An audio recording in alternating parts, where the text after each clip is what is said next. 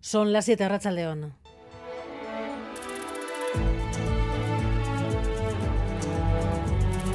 Gambara con Arancha García.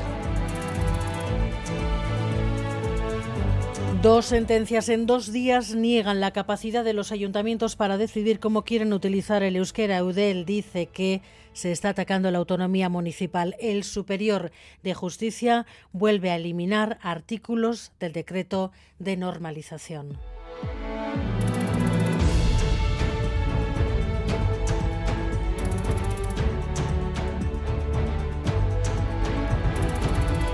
Y además la ley de educación ha superado el trámite de las enmiendas a la totalidad como se esperaba, con la mayoría de los socios de gobierno asegurada. La única incógnita es si, como quiere el consejero Villarratz, podrá aprobarse antes de que termine el año y con el mayor apoyo posible.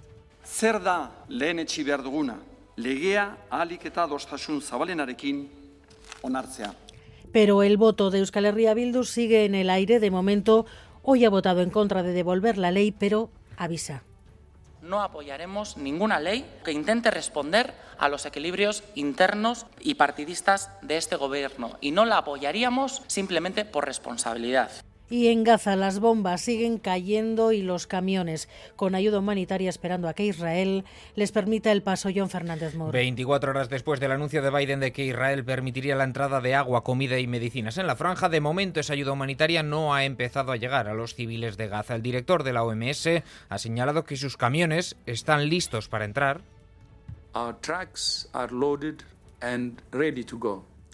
Eh, esperemos que sea mañana cuando se abra el paso de Rafah, decía Tedros Adhanom Ghebreyesus, que además pedía a Israel que incluya el combustible entre la ayuda humanitaria permitida, porque es necesario para los generadores de los hospitales o las ambulancias. La Organización Mundial de la Salud trabaja con la Media Luna Roja para repartir esta ayuda, que deberá llegar mientras siguen los bombardeos, pues aunque, por ejemplo, hoy el Parlamento Europeo la ha pedido, sigue sin darse una tregua humanitaria que también exige la ONU. La Universidad de Barcelona está investigando la aparición en uno de los laboratorios de miles de muestras no autorizadas tras la muerte de un bioquímico que estaba investigando una enfermedad neurológica mortal. El investigador, de hecho, murió con síntomas compatibles con esa dolencia. Enseguida les contamos lo que sabemos. Los vientos, como decíamos, muy intensos, más de 110, 120 kilómetros por hora, sobre todo cuando cambia el viento en zonas cercanas al litoral, con ese oleaje y también con precipitaciones, chubascos que ya empezarán esta próxima tarde a ser abundantes, sobre todo en el este, y mañana especialmente cerca del litoral con eh, lluvia abundante y posiblemente con algunos chubascos intensos. Oninche Salazar, meteoróloga de Euskalmet, el aviso de la borrasca llega al cambio de tiempo de los más de 27 grados registrados a principios de semana. Vamos a pasar a tener mañana viernes máximas de 19. Además, el viento será intenso, alerta naranja por fuertes rachas de viento y fuerte oleaje. Lloverá en algunos momentos con mucha intensidad. Es la primera borrasca del otoño, olas de 8 metros, vientos de más de 100 kilómetros por hora. Esa es la previsión a partir de mañana lo peor, pero esa borrasca ya está pegando fuerte en el centro de la península, en Madrid, máximo de lluvia en el centro de la ciudad de los últimos 50 años, o sea que pueden imaginar metro, carreteras colapsados en estos momentos. Miquel Arrey, León. A Rachaldeón, sí, todo el día lloviendo sin parar aquí en Madrid, que registra hoy el récord absoluto de agua recogida en la estación que AEMET tiene en el Parque del Retiro, por ejemplo. Se han recogido 90 litros desde las 9 de la mañana, en, en el que es el día más lluvioso en la capital española en más de un siglo. Como es habitual aquí, esta gran cantidad de agua está provocando muchísimas alteraciones. Varias líneas de metro se han visto afectadas y hay cortes también en las principales circunvalaciones como la M40. Las lluvias también han interrumpido la línea de alta velocidad entre Madrid y Barcelona y parece que los problemas seguirán ya que va a seguir lloviendo fuerte al menos hasta medianoche. Bueno, pues Madrid, un ejemplo de lo que está cayendo en estos momentos en el centro de la península y también en el oeste. Durante las últimas horas ha habido problemas también por la lluvia y el fuerte viento en Galicia. Aquí en carreteras se están generando algunas retenciones en la N622, eh, en la autovía de Gasteiz, en el acceso a la A1 sentido Burgos. Ahí han colisionado una furgoneta y un turismo. Dos personas han resultado heridas en el siniestro. En el resto de la red viaria en estos momentos se circula con normalidad. Y además, Edu García, Arrachaldeón, la escalada bélica en Oriente Próximo se está dejando notar también en el deporte. Así es, eh, hoy hemos conocido que la FIBA ha decidido aceptar la propuesta de la Federación Israelí para dejar fuera de la Eurocup femenina al Ramat Asharon, equipo rival de Lointec Guernica contra el que ya no pudo jugar la pasada semana, la que habría sido jornada inaugural de la competición.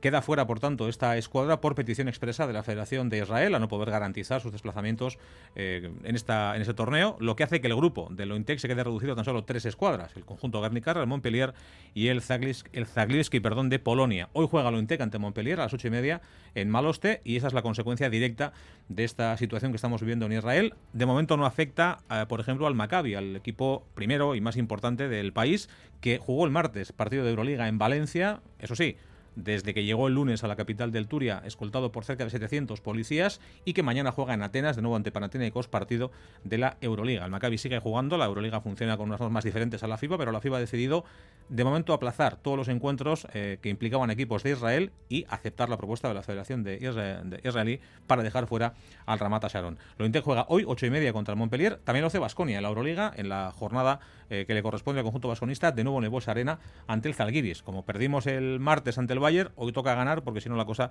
se puede empezar a complicar.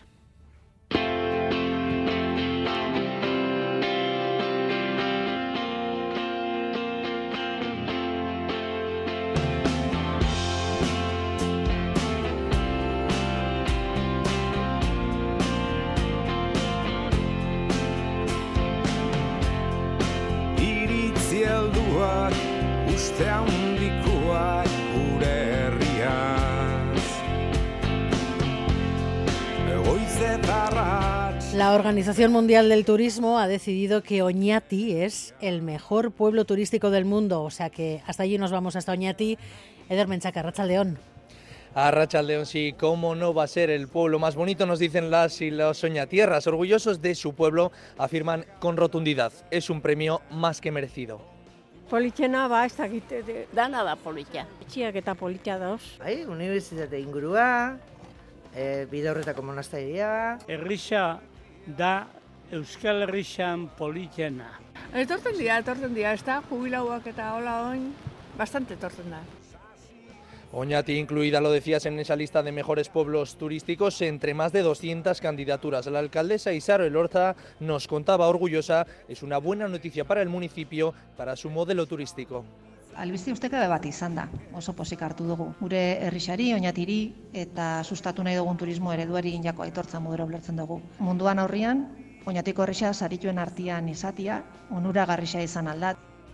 La gente destaca los chocos a visitar en este municipio de Debagoyena, esta villa acogedora, eh, rodeada de montañas. La gran mayoría cree, ahora llegarán aún más visitantes aquí. Quienes no lo hayan hecho todavía, ya saben, pueden visitar la Plaza de los Fueros, el casco histórico, la universidad o el monasterio de Arancha. Son muchas las opciones para visitar Oñati.